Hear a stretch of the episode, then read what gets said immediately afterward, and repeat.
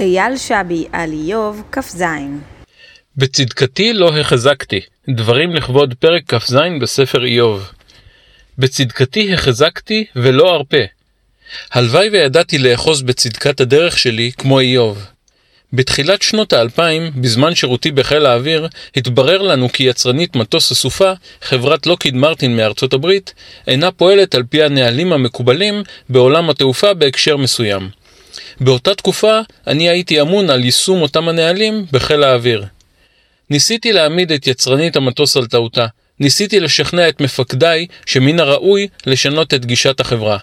ניסיתי בכל כוחי, אך לצערי, בניגוד לאיוב, הרפאתי מצדקתי מסיבות רבות ומגוונות. מספר שנים לאחר מכן, שבוע לאחר פתיחת מלחמת לבנון השנייה, התרסק מטוס סופה בזמן ההמראה. הטייס והנווט נטשו את המטוס ברגע האחרון ויצאו מן התאונה ללא פגע. לאחר חקירה מאומצת וממושכת התגלו הגורמים לתאונה, והם היו רבים. לדאבוני, חוסר הדבקות שלי בצדקת הדרך שלי, העובדה שהרפאתי והרשיתי ליצרנית המטוס לנהוג כמנהגה, היו אחד הגורמים העקיפים לתאונה.